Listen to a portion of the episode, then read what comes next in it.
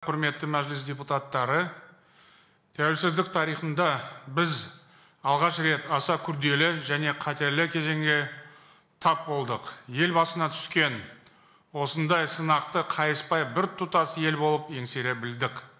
Енді біз мұндай жағдайға ешқашан жол бермеуіміз қажет. Сондықтан еліміз душар болған ауыр қасіреттің себептерін саралап оның салдарына нақты баға беру алдымызда тұрған өте маңызды міндет. Өкінішке қарай бүгінде халық арасында осы оқиғаға байланысты түрлі қарама қайшы шындыққа жанаспайтын жалған ақпараттар тарап кеткенін көріп отырмыз. Мұның әрине бірнеше себептері бар.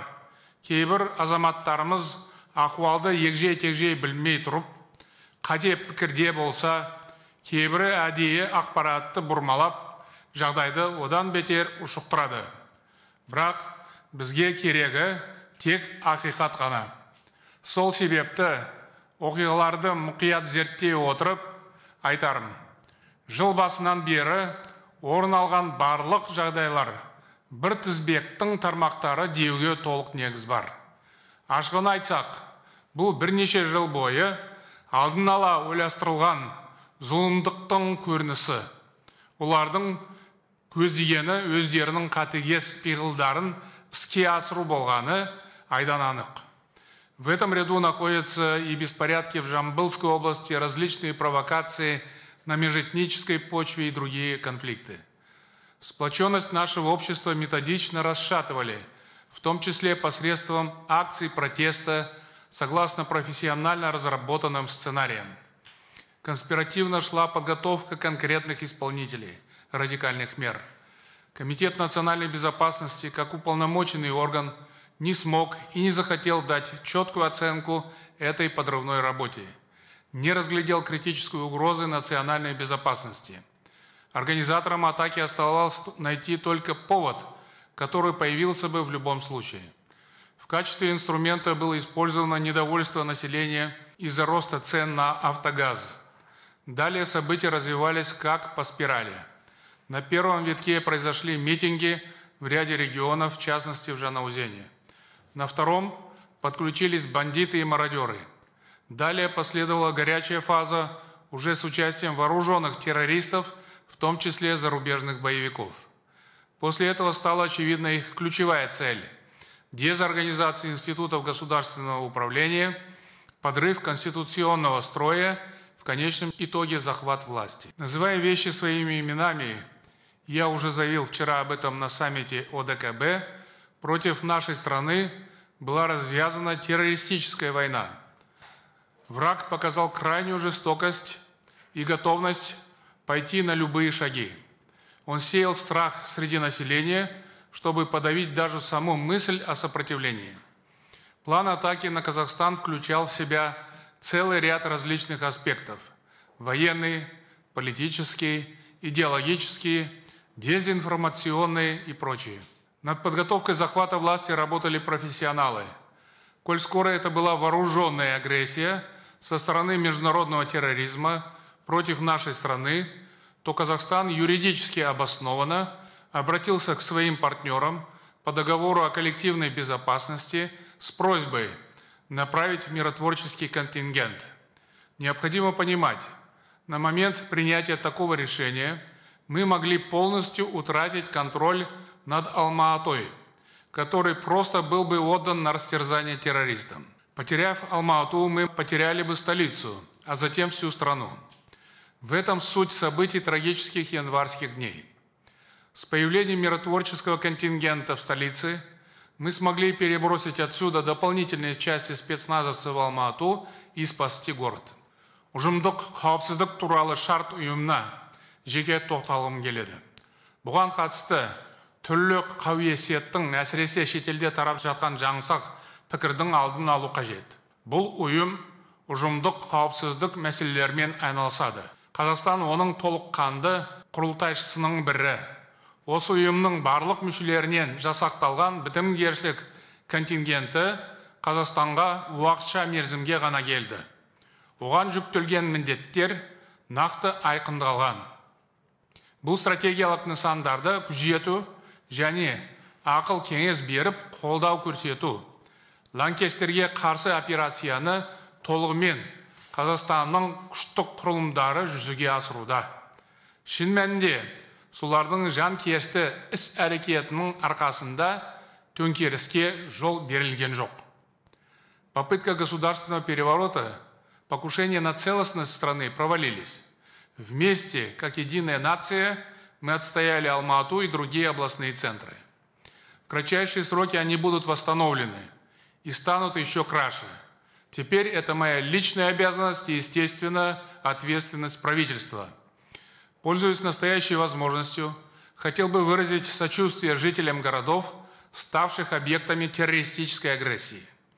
Сегодня, когда эти черные дни уже позади, хочу отметить мужество бойцов спецподразделений Министерства внутренних дел в отражении террористической агрессии.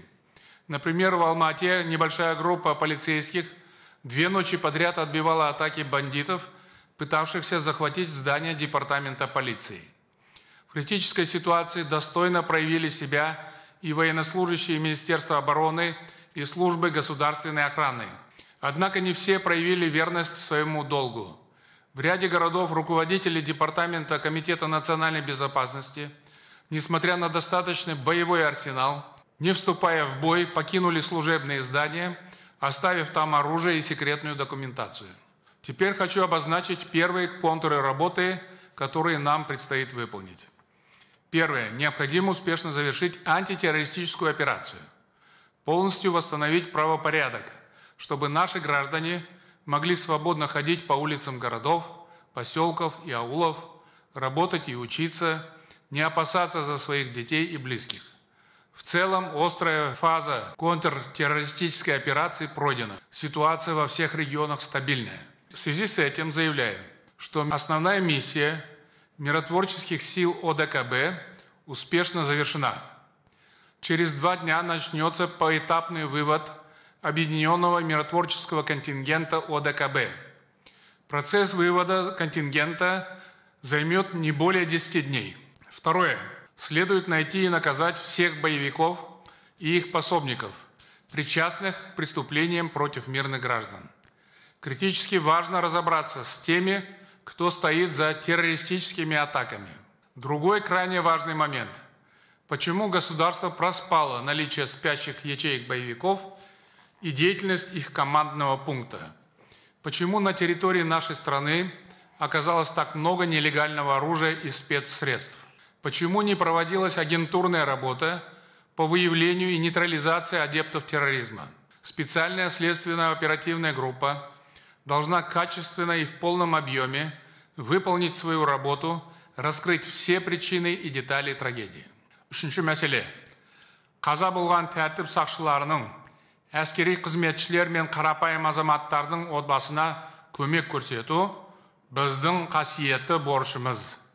Бұл мәселе менің жіті бақылауымда болады.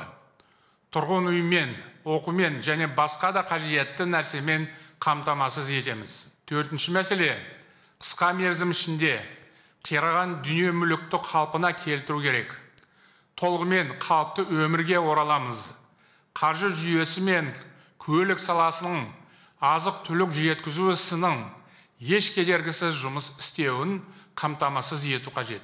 Тауарлар мен көрсетілетін қызметтердің тапшылығын бағаның негізсіз көтерілуін болдырмау маңызды үкімет комиссиясы өз жұмысын бастап кетті. Ол азаматтар мен бизнеске қолдау көрсетеді. Мемлекет қаржылай көмекпен қатар кәсіпкерлерге басқа да қолдау түрлерін ұсынады. Атап айтқанда несиелер бойынша пайыздық төлемдер айыппұл мен өсімпұл белгілеу тоқтатыла тұрады. Бесінші мәселе. Еліміздің қауіпсіздігін нығайту және қауіп қатердің алдын алу үшін шұғыл шараларды жүзеге асыру қажет. Біз сарбаздарды әскери техника мен қару жарақты қажетті жерге жедел жеткізу үшін әскери көлік авиациясы паркін толықтыру ісін қолға аламыз. Мемлекеттік шекараны нығайтуымыз керек. Көші қон соның ішінде ішкі көші қон саласын тәртіпке келтіретін кез келді. Қару жарақ айналымын мұқият тексеріп оны заң тұрғысынан реттеу қажет.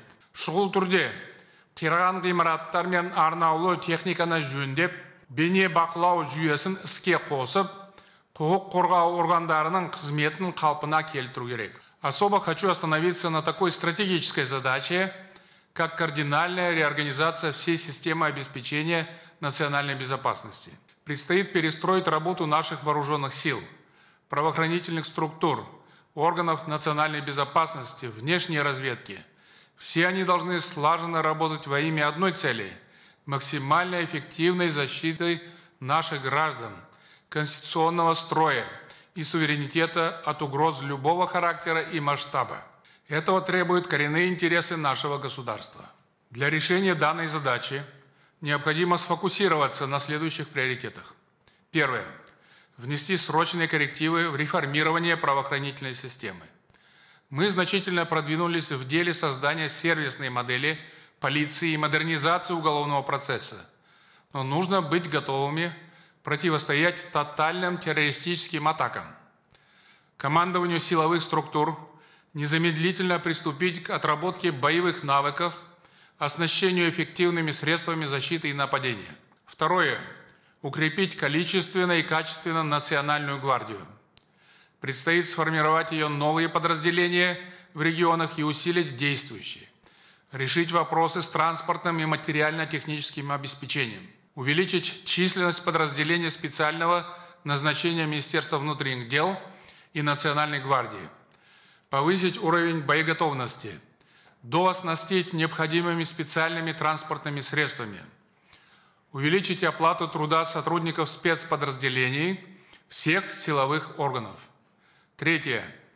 Повысить правовую защищенность полицейских, ужесточить ответственность за нападение на представителей власти и неподчинение законным требованиям. Четвертое.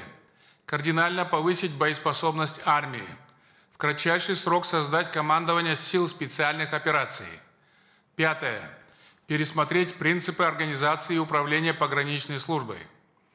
Провести ревизию реформ, которые сместили акцент с войсковой охраны государственной границы на оперативные методы работы. Шестое.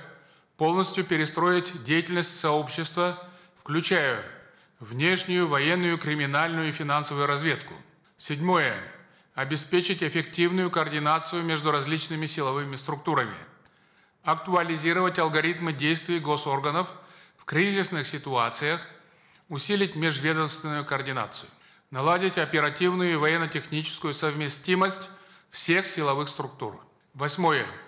Обеспечить самостоятельность силовых структур при принятии решений, повысить уровень ответственности их руководителей. Девятое реализовать комплекс системных мер по противодействию религиозному экстремизму. Ни в коем случае не допустить его сращивания с криминалом, особенно в учреждениях уголовно-исполнительной системы.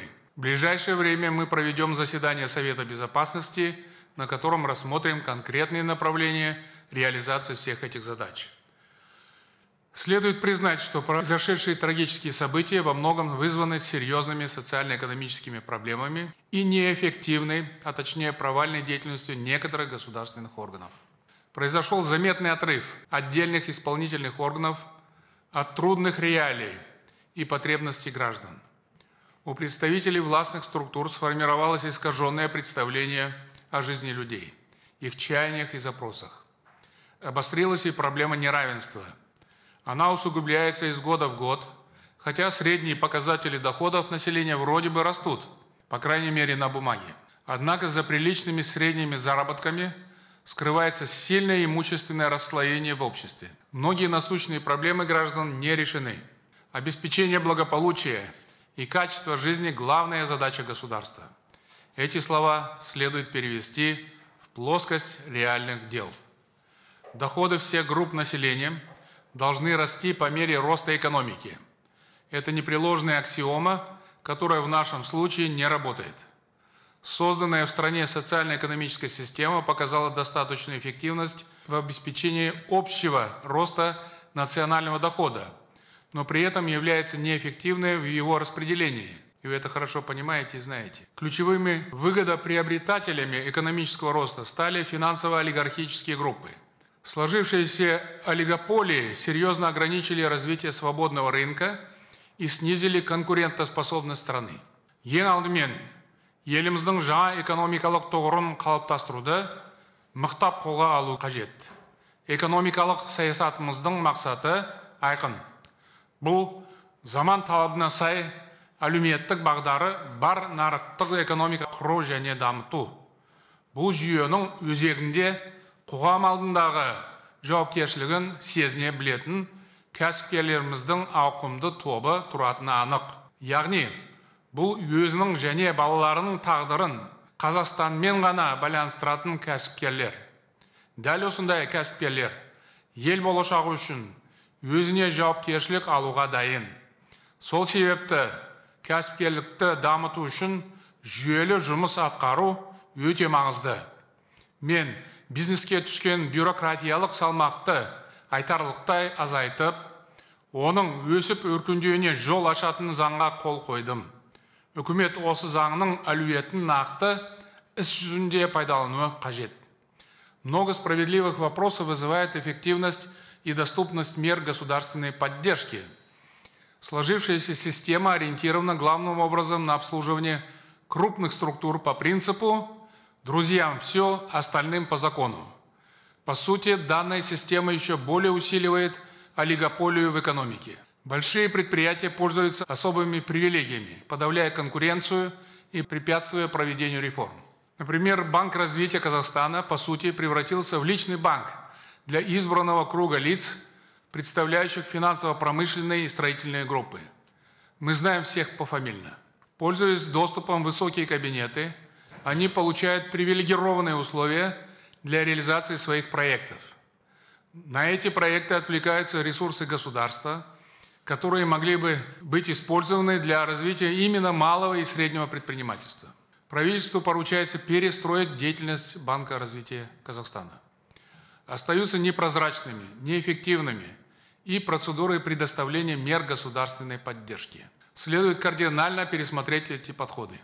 Это должно быть прозрачные и понятные механизмы. Особое внимание нужно уделить развитию малого и среднего бизнеса в регионах. Әділ бәсекелестік біздің экономика үшін басты талапқа айналуға тиіс. Бүгінде бағаны ымыраласа отырып белгілеу қалыпты нәрсеге айналды. Мемлекеттік және квазимемлекеттік сектордың сатып алу саласында картельді келісімдер жасасу кеңінен тарап кетті. Мысалы, мен былтыр фармацевтика нарығындағы Картельді ретке келтіруді тапсырдым. Бірақ кейбіреулер заңнамадағы кемшіліктерді желеу етіп бұл жұмысты аяқсыз қалдыруға тырысуда. Сондықтан картельді келісімдер жасасты деген күдік болған жағдайда мемлекеттік сатып алуға қатысушыларды тексеруге тыйым салу туралы мораторийдің күшін жоюды тапсырамын. Келесі мәселе. Жылдан жылға біздің азаматтарымыз бен кәсіпкерлеріміз жанар жағармай өндіру және оны бөліп тарату жүйесінің ашық болмауынан зардап шегіп келеді. Тіпті жанар жағармай бағасын жарты жыл бойы қолдан реттеуге мәжбүр болып отырмыз. Осы кезеңде бас прокуратура бәсекелестікті қорғау және даму агенттігімен сондай ақ энергетика министрлігімен бірлесіп осы саладағы жұмыстарды ретке келтіруге оны реформалау үшін кешенді ұсыныстар әзірлеуге тиіс. Егер бұл жұмыс бір жолға қойылмаса жанар жағармай бағасын реттеу жүйесі сақталады. Келесі мәселе самұрық қазына қоры қызметінің тиімділігі. Бүгінде бұл қордың активі еліміздің ішкі жалпы өнімінің алпыс пайызына жуықтайды. Яғни осы ұйымның тиімді қызметі бүкіл экономикамызды өркендетуге тікелей әсер етеді. Қордың кегок қазақгаз және қазақстан темір жолы сияқты инфрақұрылымдық компаниялары экономикамыздың барлық дерлік секторының тиімділігін айқындайды. Осы тұста қор өзінің негізгі міндетін орындап отыр ма? Яғни ұлттық байлықты еселей алды ма? деген орынды сұрақ туындайды. Қомақты жалақы алатын қызметкерлері директорлар кеңесі немен айналысады? Қызметі өте қымбат консалтинг компанияларын және шетелдік мамандарды жұмысқа тартқаннан пайда бар ма? Самұрық қазына қоры еліміздің стратегиялық активтерін басқару ісінде басты рөл атқарады. Сондықтан үкіметке стратегиялық жоспарлау және реформалар агенттігімен бірлесіп квазимемлекеттік секторды түбегейлі реформалау үшін ұсыныстар әзірлеуді тапсырамын егер қорды реформалау мүлдем мүмкін болмаса ондай құрылымның экономикамызда болмағаны жөн сохраняются вопросы по прозрачности закупок фонда жалобы приходят регулярно следует обязательно найти ответы на данные вопросы в частности, важно сократить основания, позволяющие заключать договоры по государственным закупкам способом из одного источника. Предстоит в целом пересмотреть порядок закупок Самрук Казна и иных национальных компаний. В прошлом году вышел новый закон о регулируемых закупках. Но большое количество вопросов по-прежнему решается на уровне подзаконных актов и решений самого фонда. Нужно обеспечить согласование правил и процедур Самрук Казна с Министерством финансов – и агентством по защите и развитию конкуренции экономикалық өсім мемлекеттің экономикадағы үлесін азайтумен тығыз байланысты бірақ жекешелендіру жүйелі және ашық жүргізіліп жатқан жоқ. Атап айтқанда бәсекелестік ортаға берілуге тиіс активтерді іріктеу тәсілдері айқындалмаған. Оны шұғыл әзірлеу қажет. Үкіметке бәсекелестікті қорғау және дамыту агенттігімен бірлесіп тиісті мемлекеттік комиссияның жекешелендіруге қатысты шешімдерінің толық ашық әрі айқын болуын қамтамасыз етуді тапсырамын. Экономиканы әртараптандыру күрделі міндет. Әртараптандыру болмаса азаматтарымыздың әл ауқатын арттырып тұрақты жұмыс орындарын ашу мүмкін емес. Бұл жұмыстың басты бағыты өңдеу өнеркәсібін дамыту. Дегенмен ел экономикасындағы өңдеу өнеркәсібінің үлесі айтарлықтай өсті деп айтуға келмейді. Біз әлі күнге дейін бір қатар өнім түрінен импортқа тәуелдіміз. Жыл өткен сайын еліміздің төлем балансында өткір тапшылық байқалуда алюминийден мыстан жасалған дайын бұйымдар және машина жасау саласына қажетті жабдықтар әлі күнге дейін шетелден әкелінеді. 2020 жылдың қорытындысы бойынша тек мұнай газ және тау кен машина жасау саласының импорты 4 миллиард доллардан асты. Әлде еліміздегі кейбір адамдар ахуалдың дәл осындай күйде болуына мүдделі ме үкімет бүкіл өнеркәсіп саласына терең талдау жұмысын жүргізуге тиіс. Шикізат қорын құзыреттері мен экономикалық тиімділікті ескере отырып бәсекеге қабілетті секторларды анықтау керек. Жүргізілген талдаудың негізінде нақты жобаларды әзірлеп инвесторларды тарту қажет. Бұл үкіметтің жаңа құрамының алдында тұрған. басты міндеттердің бірі далее у предпринимателей и в целом в обществе множество вопросов вызывает деятельность компании, которая называется «Оператор РОП» дошло до того, что было организовано некое общественное движение против этой частной компании. Я поручаю правительству принять меры по прекращению утилизационного сбора и распоряжения утилизационным сбором оператор РОП. Этим должна заниматься государственная организация, как положено в зарубежных странах. Что касается самих сборов, следует пересмотреть их ставки. Функции государства по утилизации, поддержке автомобильной промышленности и сельхозмашиностроения никто не отменял. Нужно конструктивно обсудить данный вопрос с бизнесом и общественностью. Следует рассмотреть вопрос предоставления покупателям отечественных автомобилей и сельхозтехники ваучеров за счет утилизационного сбора. Проработайте и иные общественно полезные способы использования его средств. Еще один вопрос, который сильно волнует, если не сказать раздражает нашу общественность, и особенно жителей столицы это строительство ЛРТ. Из обычного инфраструктурного проекта он превратился в серьезную проблему, которая вредит репутации страны. Уже затрачены огромные средства, привлечены займы, приняты объемные контрактные обязательства перед зарубежными партнерами. Проект изначально был ошибочным, это надо признать. Причем проект с сильным запахом коррупции. Теперь нужно принять оптимальное решение, потому что простой снос означает потерю времени и денег. У нас нет другого выбора, как пригласить отечественных и зарубежных архитекторов и урбанистов, которые определят возможные варианты использования данного проекта. ауыл шаруашылығына ерекше назар аудару керек соңғы елімізде қуаңшылық болды. Былтырға қарағанда жиналған астық көлемі 4 миллион тоннаға кеміді. Бұл шикізатпен және жем шөппен қамтамасыз ету ісіне әсер етті. Болжам бойынша биылда ахуал күрделі болуы мүмкін. Үкімет тұқыммен жем шөппен тыңайтқышпен қамтамасыз ету мәселелерін және егін егу науқанын қатаң бақылауда ұстауға тиіс. Субсидияны тұрақты беруге қатысты мәселе жиі көтеріледі. Мен бұған дейін субсидиялау тәсілдерін қайта қарау қажеттігі туралы тапсырма берген болатынмын. Бұл жұмыс қысқа мерзім ішінде атқарылуға тиіс.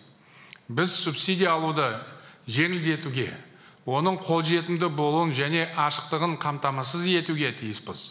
Жорда болған заң бұзушылықтардың қайталануына жол бермеу маңызды. Алдағы үш жылда азық түлік қауіпсіздігі мәселесін түбегейлі шешу қажет. Бұл үкімет пен әкімдердің алдында тұрған негізгі басымдық екеніне айрықша назар аударамын. Егер нарықта азық түлік тауарлары мол болмаса инфляцияны ұстап тұруға ешқандай шара көмектеспейді. Для обеспечения макроэкономической стабильности необходимы дополнительные источники доходов бюджета. На фоне высоких цен на сырье доходы предприятий горнорудного сектора выросли мы это знаем поручаю правительству проработать вопрос дополнительных поступлений в бюджет взамен можно предоставить широкие льготы для разведки и освоения новых месторождений я веду речь крупных горнорудных компаниях и других крупных компаниях. В условиях благоприятной конъюнктуры рынка производители бензина и различные посредники получают дополнительные прибыли. Считаю необходимым изымать часть этой маржи в пользу бюджета посредством акцизов. Правительство должно провести соответствующие расчеты, при этом нельзя допустить роста цен. Значительный потенциал в повышении доходов бюджета – кроется в наведении порядка на таможне, особенно на границе с Китаем. Самый настоящий бардак, творящийся там, общеизвестен. Машины не досматриваются, налоги и пошлины не платятся, расхождение в зеркальной статистике с таможенными органами Китая достигает миллиардов долларов. Существуют некие уполномоченные операторы, имеющие статус неприкасаемых. Страна теряет десятки миллиардов тенге в виде налогов. Так дело не пойдет.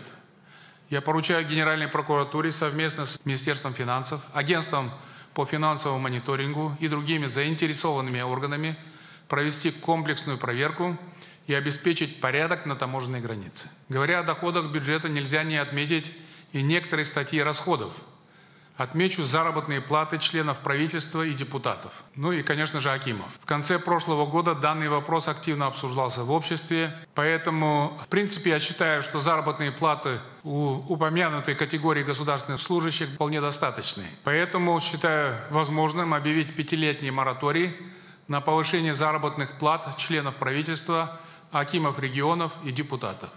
Я понимаю, что это не очень хорошая новость для депутатов Маджлиса, но Думаю, что вы эту новость воспримете с пониманием. Административным госслужащим и бюджетникам заработные платы продолжен поднимать по мере роста возможностей бюджета. Қаржы жүйесінің тұрақтылығы ұлттық экономиканы одан әрі дамытудың кепілі екені белгілі. Экономика өсіп, халықтың табысында алшақтық пайда болғандықтан тұтыну несиелері айтарлықтай артты. Оның мөлшері бизнесті несиелеу көлемінен асып кетті. Халық қазіргі уақытта көп несие алып жатыр. Осыны ескерсек бұл қаржы нарығын құбылтып әлеуметтік тұрақсыздық қаупін тудыруы мүмкін. Үкімет жеке тұлғалардың банкроттығы туралы заң жобасын әзірлеуді бастады. Бірақ бұл тығырықтан шығатын жол емес. Ең алдымен шектен тыс қарыздың көбеюін болдырмау қажет. Сондықтан қаржы нарығын реттеу және дамыту агенттігіне ұлттық банкпен бірлесіп пруденциалды реттеу тетіктері арқылы нақты әрі жедел шешім қабылдауды тапсырамын. Устойчивый экономический рост невозможен без обеспечения стабильности на валютном рынке. На фоне произошедших событий режима чрезвычайного положения возникли серьезные риски спекулятивного давления на национальную валюту. Поручаю Национальному банку и агентству по регулированию и развитию финансового рынка обеспечить стабильность валютного рынка до полного восстановления доверия к тенге со стороны внутренних и внешних участников рынка. С целью повышения благосостояния казахстанцев мы неоднократно поднимали зарплаты и пенсии, но каждый раз сталкиваемся с неконтролируемым ростом цен. На протяжении многих лет высокая инфляция остается ключевой проблемой нашей экономики – она снижает эффективность экономической и социальной политики. Пришла пора поставить точку в этом вопросе. Стабилизировать цены и инфляционные ожидания населения. Нужна планомерная работа по снижению инфляции. Целевой коридор 3-4% к 2025 году. Правительству совместно с Национальным банком и Палатой Атамекен предстоит разработать комплекс мер по контролю инфляции. Он должен включать в себя меры по снижению импортной зависимости, снижению избыточного посредничества и инструменты денежно-кредитной политики. В Казахстане созданы все условия для привлечения прямых иностранных инвестиций. Мы заинтересованы в том, чтобы благоприятный инвестиционный климат сохранялся. Могу заверить, что государством будут приняты все необходимые меры для восстановления доверия внутренних и иностранных инвесторов. Все обязательства и гарантии государства перед инвесторами будут исполнены в полном объеме. На данном этапе нужна новая концепция инвестиционной политики для повышения привлекательности страны в условиях усиления требований ESG – глобального энергетического и технологического перехода. Отдельно заострю внимание на следующем вопросе. В связи с введением чрезвычайного положения высок риск вывода капитала отдельных финансово-промышленных групп – за рубеж, в том числе путем заключения эффективных сделок. Мы уже зафиксировали движение на счетах отдельных лиц. Поэтому поручаем Национальному банку совместно с агентствами по финансовому мониторингу и регулированию финрынков обеспечить четкое наблюдение, проверку и контроль всех транзакций и лиц, необоснованные, подчеркиваю, необоснованно выводящих средства из страны. В завершении экономического блока выступления отмечу, Сегодня мы назначили нового премьер-министра, поставили ряд конкретных задач. Я поручаю премьер-министру в течение трех недель подготовить программу действий правительства на 2022 год. Рассмотрим ее на расширенном заседании правительства в начале февраля. Во всем мире началась новая вспышка коронавируса. В Казахстане наблюдается резкий рост заболеваемости – фиксируется более 2000 новых случаев в сутки. За весь период пандемии число заражений составило более 1 миллиона человек. Поэтому важно не расслабляться и продолжить борьбу с коронавирусом. Это также должно быть ключевой задачей нового правительства. Теперь о межрегиональных диспропорциях. Общеизвестно, что регионы Казахстана развиваются неравномерно. Диспропорции создают предпосылки для социального дискомфорта, роста миграционных настроений. Последние события показали острую проблему с занятостью в западных и южных регионах. Там высокорождаемость, а экономика не поспевает с созданием рабочих мест. Поэтому системная индустриализация, содействие малому и среднему бизнесу, развитие сектора услуг в этих областях является не региональным, а национальным приоритетом. Нельзя забывать о культурной, образовательной составляющей развития. Образованные граждане, более конкурентные в масштабах страны, имеют больше шансов на успех и достойную жизнь. Поручаю правительству разработать для данных регионов отдельные направления в рамках программ АУЛ Дорожной карты бизнеса и других. Далее, не секрет, что зачастую уровень поддержки региона зависит от веса конкретного Акима, а не от реальных потребностей жителей. Это ведет к диспропорциям в развитии и недовольству граждан. Многие из них, особенно жители сырьевых регионов, считают, что их области заслуживают большего внимания при распределении бюджетных ресурсов. Данные области, являясь донорами бюджета, отстают по многим параметрам социально-экономического развития. Поэтому подходы нужно постепенно менять назрела основательная реформа межбюджетных отношений. я поручаю правительству подготовить пакет законодательных изменений. Комплексного реформирования требует система государственного управления. Необходимо признать невысокий кадровый потенциал, формализм, коррупцию, большую текучесть кадров. Поэтому сохраняется низкий уровень доверия общества к институтам государственной власти. Следует усовершенствовать систему отбора кадров на государственную службу, убрать излишние препоны и барьеры для поступления. Реальным принципом приема и продвижения по службе должен стать принцип меритократии. Государственная служба должна быть открытой любому казахстанцу. Следует также упростить порядок выхода из государственной службы. Выхода, именно выхода из государственной службы. Некоторые безинициативные чиновники могут просиживать штаны годами в своих кабинетах. Они не дают расти молодым и перспективным ребятам, снижают эффективность госаппарата. С такими чиновниками надо легко прощаться. Хотя, что касается государственного аппарата, институциональная память чиновников имеет очень большое значение. Нельзя просто так чохом увольнять всех э, чиновников, заменяя их на молодых. Здесь должен быть абсолютно разумный подход. Если человек справляется в свои 60 лет с работой, обладает, так сказать, институциональной памятью, очень полезен для государственной службы, его ни в коем случае увольнять нельзя. То есть здесь должен присутствовать разумный дифференцированный подход. Поручаю правительству и агентству по делам госслужбы разработать и внедрить соответствующие механизмы. Но инициирован проект «Президентский молодежный кадровый резерв». Это социальный лифт для перспективной молодежи и в то же время механизм формирования нового мышления, внедрения новых подходов в работе госаппарата. Эта практика будет продолжена. В соответствии с моим поручением, в прошлом году численность государственного аппарата была сокращена на 15%.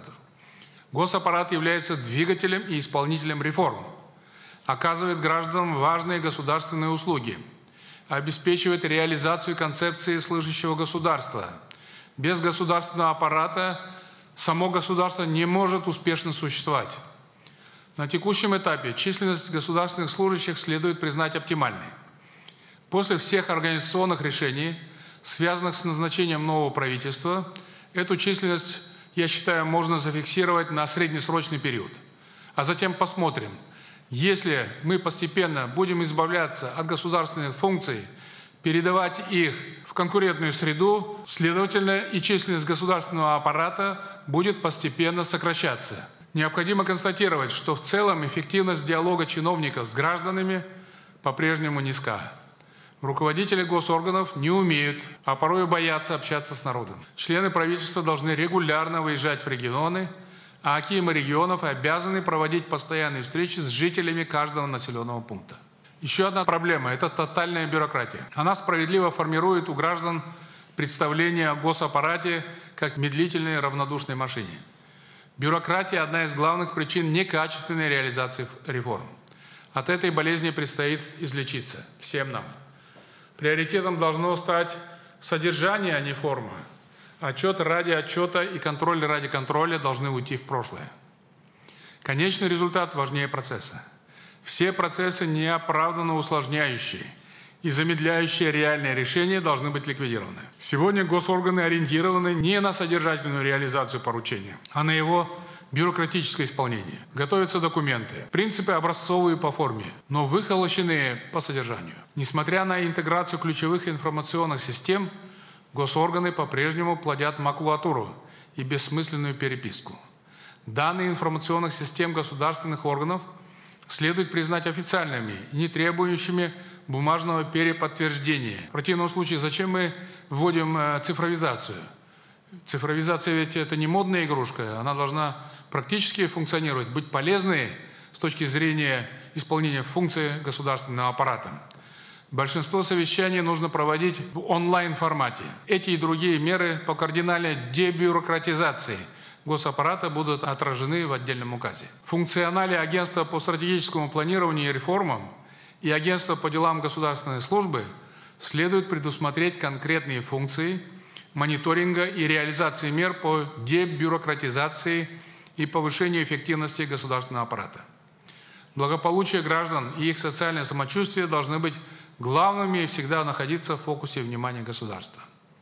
Пора завершать игру с цифрами и переходить к реальным делам. Зачастую госорганы любят маскировать ситуацию терминами вроде продуктивных самозанятых, неформальной занятости и так далее. В результате многие люди остаются один на один с безработицей и социальной незащищенностью. Это требует качественного обновления социально-трудовой сферы. В этих целях следует принять комплекс следующих мер. Разработать программу повышения доходов населения. Работа должна быть точной и адресной. На каждом управленческом уровне следует установить конкретные показатели снижения бедности. Предстоит выявить реальное количество граждан, нуждающихся в трудоустройстве. Поручаю правительству совместно с Атами Кен в двухмесячный срок принять программу по повышению доходов населения. Правительству следует обеспечить своевременное принятие социального кодекса. В рамках данного документа мы должны адаптировать социальную политику под новые реалии с учетом вызовов пандемии и накопившихся проблем. Социальный кодекс должен стать ключевым элементом нового общественного договора. Особое внимание следует уделить снижению безработицы, особенно молодежной. Выпускники вузов, колледжей, особенно молодежь без образования, не всегда имеют возможность трудостроиться на постоянные рабочие места. Это мы хорошо знаем. Выживают, перебиваясь случайными заработками. Некоторые в поисках дохода могут переступить закон – поручаю правительству рассмотреть возможность увеличения продолжительности участия и размера оплаты труда по проектам «Молодежная практика» и «Первое рабочее место». Важно создавать условия для реализации деловых инициатив молодежи и уязвимых категорий населения. Правительству поручается проработать возможность увеличения соответствующего гранта в два раза до 400 месячного расчетного показателя. Следующий вопрос. Безусловным приоритетом является повышение доступа к качественному образованию. Это важнейший фактор развития всего общества. Как бы мы ни обеспечивали школы материально, без хороших учителей поднять качество образования невозможно. Улы Ахмед Байтурсунулу айтқандай, мұғалім мектептің жүрегі. Поэтому я поручаю разработать специальную программу привлечения лучших педагогов с соответствующим пакетом мер – поддержки для регионов, где есть дефицит учителей. Злободневным остается вопрос доступности высшего образования. Особое внимание следует уделить выделению целевых грантов для молодежи из густонаселенных регионов страны. Для построения новой экономики важно повышение конкурентоспособности вузов. Недавно в Казахстане начали открываться филиалы ведущих зарубежных вузов. В скором времени планируется открытие филиалов передовых технических вузов России. Считаю необходимым к 2025 году открыть в нашей стране не менее пяти филиалов авторитетных зарубежных университетов. При этом два филиала вузов с техническим уклоном, повторяю, с техническим уклоном, необходимо открыть на западе страны. В целом, нам всем нужно изменить взгляд на образование. Пора увлечения гуманитарными специальностями прошла. Приоритет нужно отдать техническим профессиям. Предстоит взрастить новое поколение инженеров, промышленников. Далее, важнейшим вопросом остается социальная справедливость. Казахстан по Конституции социальное государство. Государством делается немало. Более 50% расходов республиканского бюджета – это расходы социального характера. Но этого недостаточно. У нас есть национальный фонд. Это финансовая опора страны. Сегодня же я поручаю создать общественный социальный фонд «Казахстан халкына». Он будет заниматься решением реальных проблем в сфере здравоохранения, образования, социальной поддержки. Например, помощью детям с редкими заболеваниями. Ведь для большинства семей расходы на лечение попросту неподъемны. Будем строить спортивные объекты для детей в городах, районах, поселках, селах. Окажем содействие способным детям – поддержим культуру, поможем Алмате оправиться от страшной трагедии. Из средств этого фонда мы поддержим семьи погибших полицейских и военнослужащих. И это лишь отдельные примеры. Подчеркну, это не фонд президента или правительства или какого-либо другого государственного органа. Это фонд всех казахстанцев. Это народный фонд. Он не будет функционировать при администрации или правительстве. будет создан авторитетный наблюдательный совет. Назначен честный и ответственный руководитель. Обеспечим полную прозрачность его деятельности, подотчетность и подконтрольность именно обществу. Планы, бюджет, проекты будут публиковаться на сайте. Вся информация будет открытой. Финансирование фонда будет осуществляться из частных и государственных источников. Планируется привлечь помощь международных благотворительных организаций. В данный фонд будут направлены обязательные отчисления оператора лотерейной деятельности, Центра учета ставок и других монополистов. Конечно, мы ожидаем значительные регулярные отчисления, я подчеркиваю, регулярные отчисления в фонд со стороны крупного бизнеса. Благодаря первому президенту Ельбасы в стране появилась группа очень прибыльных компаний и прослойка людей, богатых даже по международным меркам. Считаю, что пришло время отдать должное народу Казахстана и помогать ему на системной и регулярной основе. Поэтому правительству предстоит определить круг компаний, согласовать с ними размер ежегодных взносов в фонд. Кроме того, ожидаю активного участия и от тех лиц, которые, фактически обладая огромными средствами, находятся в тени. Уверен, фонд может стать еще одним инструментом консолидации общества, укрепит в гражданах чувство социальной справедливости. Прошедшие события обнажили острые проблемы, существующие в нашем обществе. Нападения на наши города, родных и близких показали, насколько хрупкими оказались главные ценности нашего государства – мир и стабильность. Мы должны четко понимать, что государство и граждане – это единое целое. Эти понятия неделимые, особенно когда речь идет о безопасности страны.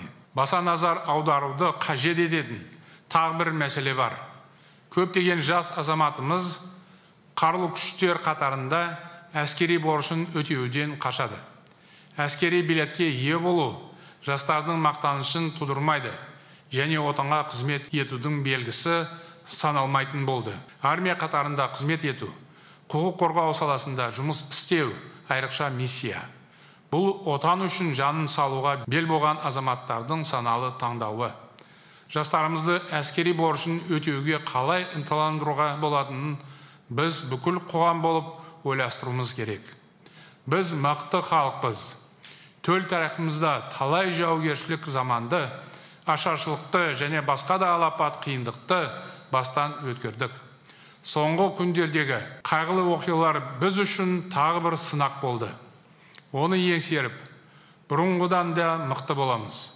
в целом назрела необходимость трансформации взаимоотношений между государством и обществом. Нужен новый формат общественного договора казахстан продолжит курс политической модернизации это моя принципиальная позиция в политической сфере сделано немало мною было выдвинуто четыре пакета политических реформ – в рамках реализации которых принято более 10 законов. И в этом плане я благодарен депутатам Мажлиса, как, впрочем, и депутатам Сената, за очень оперативную и качественную работу. Заработало новое, по сути, законодательство о митингах. Снижен регистрационный барьер для создания партий и порог их прохождения в парламент. Расширено представительство женщин и молодежи в Мажлисе и Маслихатах введен институт парламентской оппозиции. В избирательных бюллетенях появилась графа против всех. Впервые в истории страны состоялись прямые выборы сельских акимов. Серьезные сдвиги произошли в сфере защиты прав человека. В частности, были декриминализированы и гуманизированы статьи 130 и 174 Уголовного кодекса. Наша страна присоединилась ко второму факультативному протоколу к Международному пакту о гражданских и политических правах. Подписан указ о дальнейших мерах Республики Казахстан в области прав человека, направленный на комплексную модернизацию правозащитной сферы. Начал системно укрепляться Институт уполномоченного по правам человека. Полностью отменена смертная казнь. В своем очередном послании в сентябре я представлю новый пакет политических реформ – который будет подготовлен на основе широкого и конструктивного диалога с гражданским обществом и экспертами. Государство также должно обеспечить полноценное и качественное выполнение своих базовых функций. Государство должно гарантировать соблюдение законности и правопорядка, защиту прав собственности и безопасности граждан, обеспечивать социальные блага и качественные государственные услуги. В свою очередь, бизнес и граждане ответственны за соблюдение законодательства и норм общественного поведения, справедливую уплату налогов и прозрачность в трудовых отношениях. В этой связи следует сформировать программу последовательных преобразований.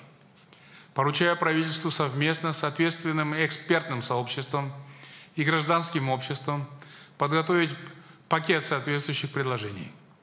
Он будет рассмотрен на одном из заседаний Национального совета общественного доверия.